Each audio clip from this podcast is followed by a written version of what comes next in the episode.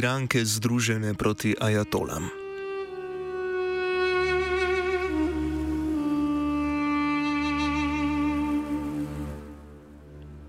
Islamsko republiko Iran že več kot deset dni preplavljajo protesti zaradi smrti Mese Amini, ki je umrla v priporu tako imenovane moralne policije. Amini je bila aretirana, ker si je na ulici snela na glavno pokrivalo oziroma hijab, kar je po iranski ustavi, ki temelji na islamskem šariatskem pravu, prepovedano. Moralna policija je kakršnokoli odgovornost zanikala, saj naj bi imela Amini kronične zdravstvene težave, kar je njena družina zanikala. Iranski predsednik Ibrahim Raisi je ukazal poglobljeno preiskavo okoliščin, v katerih je umrla Amini, vendar rezultat preiskave za zdaj niso znani.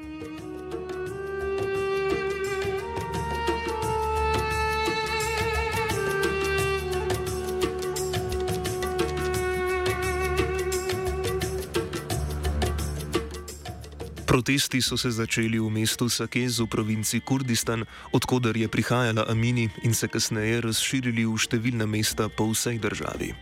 Na protestih so bile predvsem v ospredju ženske, ki so si v znak solidarnosti in podpore Amini snele hijabe ter zahtevale svobodo za ženske in konec femicidnih politik iranskih oblasti. Nekateri protestniki so protestirali tudi proti vladavini velikega ajatole Alija Hameneja in republiške vlade. Za zdaj naj bi v spopadih s policijo umrlo več kot 50 ljudi.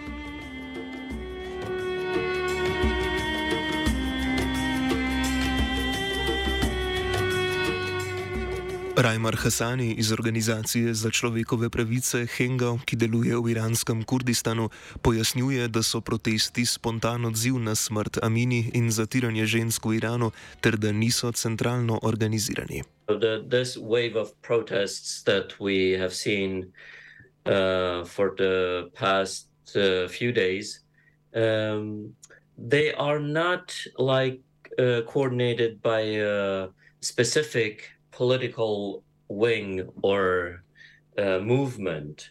Uh, if you have followed the news, so also the victims, uh, injured, uh, the ones who are killed, detainees, there is a high number of very young people among them. Uh, from the age of 14, 15 to the age of 18, 19, 20, 21. Even Mahsa Amini, who was killed, was just a young woman in her early 20s, right? And this is a protest which is uh, which looks like quiet, organic, and grassroots, and what uh, appears to be uh, people uh, being united together uh, in order to fight the common oppressor. Ehsan Safarnejad, ki živi na jugu Irana, je mnenja, da organizatori protestov prihajajo izven meja države. Safarnejad je v svojih objavah na Twitterju sicer glasen nasprotnik posegov imperialnih sil v Iranu, pogosto pa izraža stališča, ki so blizu vladnim. I would say that the protests slash riots, whatever you want to call them, are being mostly coordinated from outside of the Iran. Uh, so we, we have seen a number of people who actually took up as a sort took up the sort of mantle of the leaders of the protest. Uh, there's a famous football player uh, who has went to one of these Arabic countries on the uh, in, in, the Persian Gulf. There's a woman who works for VOA, that's Voice of America, uh, Masih Alinejad. Uh, she also has sort of uh, been acting as the quote unquote leader of the protest. Uh, and, uh, you know, there are a few other people who are uh, sort of leading these protests, but uh, no, no central coordination from the from within Iran. Safarnejad meni, da kljub temu, da so posnetki protestov preplavili družbena omrežja in naslovnice medijev na Zahodu, njihova obsežnost v resnici ni tako velika. In order for us to, you know, say how big this protest is, uh, we can look at the protests that happened three years ago in 2019. Uh, in comparison to that, these uh, protests, which are mostly riots, um, are much smaller uh, uh, in in the number of cities that uh, they have engaged in these, uh, you know, sort of violent behaviors. for example, my city, and I live in southern parts of Iran. It's a very famous city, one of the major cities in Iran. there hasn't been any big protest or riot or something like that, uh, which is very weird in a sense, uh, because you know usually my city is one of those cities that always makes the headlines, right? Trenutno potekajo tudi pogajanja glede iranskega jedrskega sporazuma, od katerega je Donald Trump enostransko odstopil leta 2018. Safarnedžad zagovarja teorijo o povezavi protestov in pogajanj na Dunaju. As you and I very well know, there has been a stalemate in the talks between Iran and United States. United States in 2018 unilaterally withdrew from JCPOA, that's the Iran nuclear deal, uh, against the advice of its allies in NATO. Uh, that's uh, Germany, Britain, and France. Uh, of course, we have uh, the world is a pretty different place today. We have seen Corona, which has uh, affected the world supply chain and world economy. We have seen the Russia-Ukraine conflict, which has again changed the world's apparatus with regards to geopolitics uh, in a great fashion. And you know we have seen a bunch of uh, other developments, uh, like China being more willing to oppose United States. Uh, in the current circumstance, United States doesn't really have leverage to play against Iran. They already have withdrawn from Afghanistan, which is a neighboring country to Iran. So hypothetically, if they were to to attack Iran, they could have used Afghanistan as a military base. They could have used it as a way to, you know, send logistics into the battlefield, but they have withdrawn from that. There, there has been developments in Iraq. Iraqi resistance forces have becoming more and more powerful. So, in in a situation that you lack leverage and you're facing a winter, a very cold win- winter, uh, what can you do? One way is to, you know, create unrest, protests, riots in in, a, in the country that you're negotiating with, so that you have a leverage to play against them on the negotiating table. So I wouldn't rule this out, and I of course actually think that this is a very probable uh, assumption that one can uh, logically arrive to. Hasani v nasprotju z njim povdarja, da iranska vlada odgovornost za proteste vselej prelaga na zahodne države.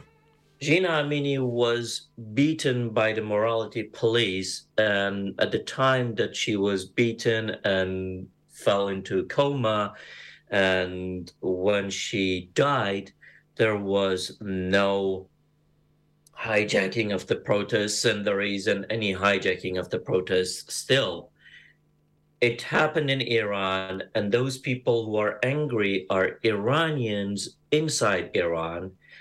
And this is what Iran has been doing that each time that people ask for their very basic rights, Iran is accusing West, the US, the UK, Israel, and even the uh, Kurdish opposition parties, like since three, four days ago, they have started to bomb and shell the Iraqi Kurdistan and saying that, yeah, we're uh, bombing and shelling and uh, fighting the outside enemy. And by this, they mean the Iranian Kurdish opposition parties who reside in uh, Iraqi Kurdistan. Which this claim is completely false. It's not correct. No parties, no uh, foreign media, no foreign state had anything in this uh, wave of protests. It's just ordinary people asking for their very basic, ordinary human right. Masa Amini je bila pripadnica kurdske manjšine, ki je v državi, kjer so večinsko prebivalstvo Perzici, tradicionalno med najbolj zatiranimi. O tem priča tudi dejstvo, da so starši Amini ob rojstvu dali kurdsko ime Žina, kar v prevodu pomeni ženska. Vendar je bila kasneje primorana uporabljati antično perzijsko ime Masa. Kljub temu so po besedah Hasanija tokratni protesti neetnično obarvani in so usmerjeni proti represivnim politikam iranske vlade in njenih institucij. What I can say is that uh, after 43 years, uh, all the peoples who live in that border of uh, current Iran, from Kurds to Baluchis to Arabs and even to Persians, they are fed up with the oppression that they face. And in the case of young people like Jina Amini, known as uh, Mahsa Amini, for the young people, even more. Uh, because these people who are like 18, 19, 22, 23 on the streets protesting, for them, they were born during the Islamic Republic of Iran's uh, regime reign. And so they don't have any recollection of a uh, humane past, good past. Their presence uh, is not a dignified, prosperous one. And they don't see any future. So I think uh, the situation is similar to each other from one part to the other in uh, Iran for the ordinary, ordinary people Po islamski revoluciji leta 1979 je potekal referendum, na katerem so Iranke in Iranci sprejeli ustavo, ki vključuje tudi, da morajo ženske izven zasebnih prostorov obvezno nositi hijab. Vendar se patriarhalni nadzor nad ženskim telesom v Iranu ni začel, ko so na oblast prišli šiitski kleriki, izvajal se je že za časa šahovske vladavine družine Pahlavi. Iranian women's struggle goes way back. I can just uh, briefly mention a couple of things. Like if we go back to the early 20th century and uh, look at how the unveiling campaign was, it was uh, done like uh, about more than 50 years before uh, the Islamic Republic came to power. And then at that time, in 1921, for example, said Ziya Tabatabai, uh, the local police was ordered uh, un- under his governance, uh, the local police was ordered uh, to arrest any woman and punish them who was not wearing veil, right? But then, in like 15 years' time, uh, around 1936, you have uh, another decree uh, saying that those women who are going to wear hijab uh, are going to be punished. And then you go on again until 1979, and then Ayatollah Khomeini comes to power and then this time he decides that no, this is not the way that we're going to do it. We put women again into compulsory hijab. So my point is that historically, yes, uh, each and one uh, government uh, regime in the Iranian history has been like forcing women one way or another to either wear a hijab or not, promoting either hijab or being against it. So yes, this is this is not something new, but it is time to change that for good. Liberalna morala Zahoda, po kateri se vsak individuum lahko svobodno odloča o svojem telesu, se kaj hitro lahko ujame v zanko kulturnega imperializma in nespoštovanja vrednosti nezahodnih kultur. Safarnejad v konzervativnem tonu pojasnjuje, da v Iranu emancipacijo žensk razumejo drugače kot v državah, kjer vlada liberalna demokracija. Iranian women are very, very empowered in, in a lot of fields. Uh, of course, uh, you know, the social conduct in Iran is different, right?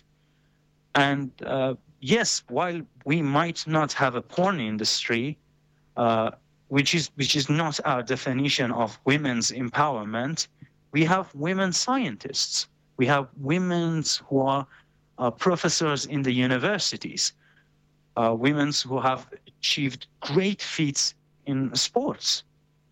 So um, I think uh, to undermine all the data that I've provided with, uh, you with, and just fall into the narrative that the Western propaganda machines are trying to depict of Iran, uh, it's just a little bit uh, unfair and ingenuine.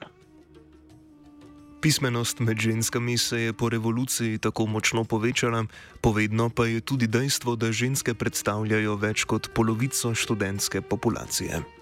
Prior to the revolution in 1979 in Iran, uh, Iran was governed by this uh, monarchy, Pahlavi, right?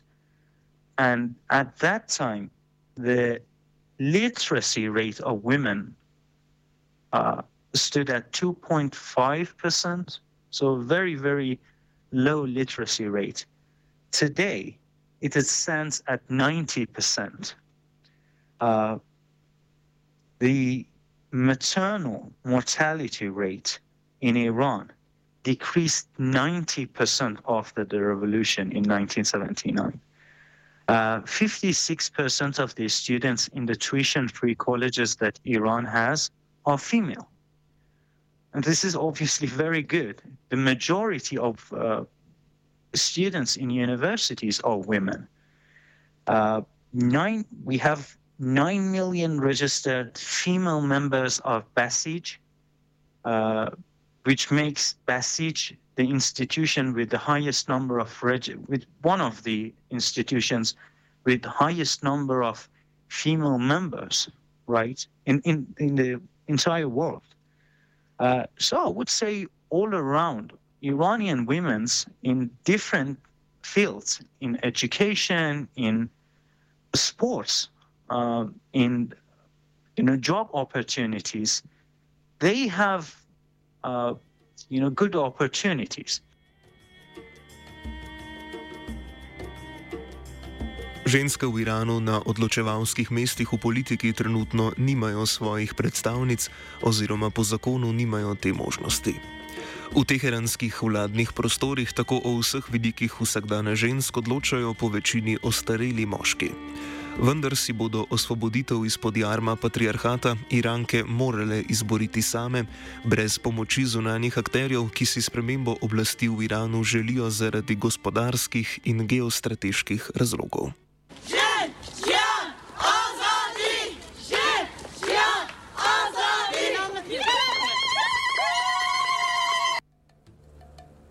Med iranskim patriarhatom in zahodnim imperializmom se je znašel Fin.